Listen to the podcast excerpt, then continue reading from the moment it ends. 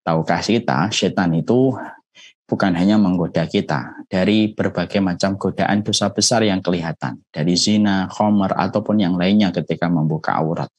Tapi termasuk salah satu godaan setan itu apa? Memalingkan kita dan menjadikan kita lalai untuk memperhatikan hati kita. Lalu akhirnya kita sibuk melihat hatinya orang lain, kita sibuk menghakimi hatinya orang lain, kita sibuk memfonis hatinya orang lain tanpa menyadari betapa bermasalahnya hati kita selama ini ketika kita dalam kehidupan. Ketika akhirnya kita tidak sadar dibawa oleh setan untuk melihat hatinya orang lain, akhirnya hati yang kotor bertambah kotor, yang keruh bertambah keruh.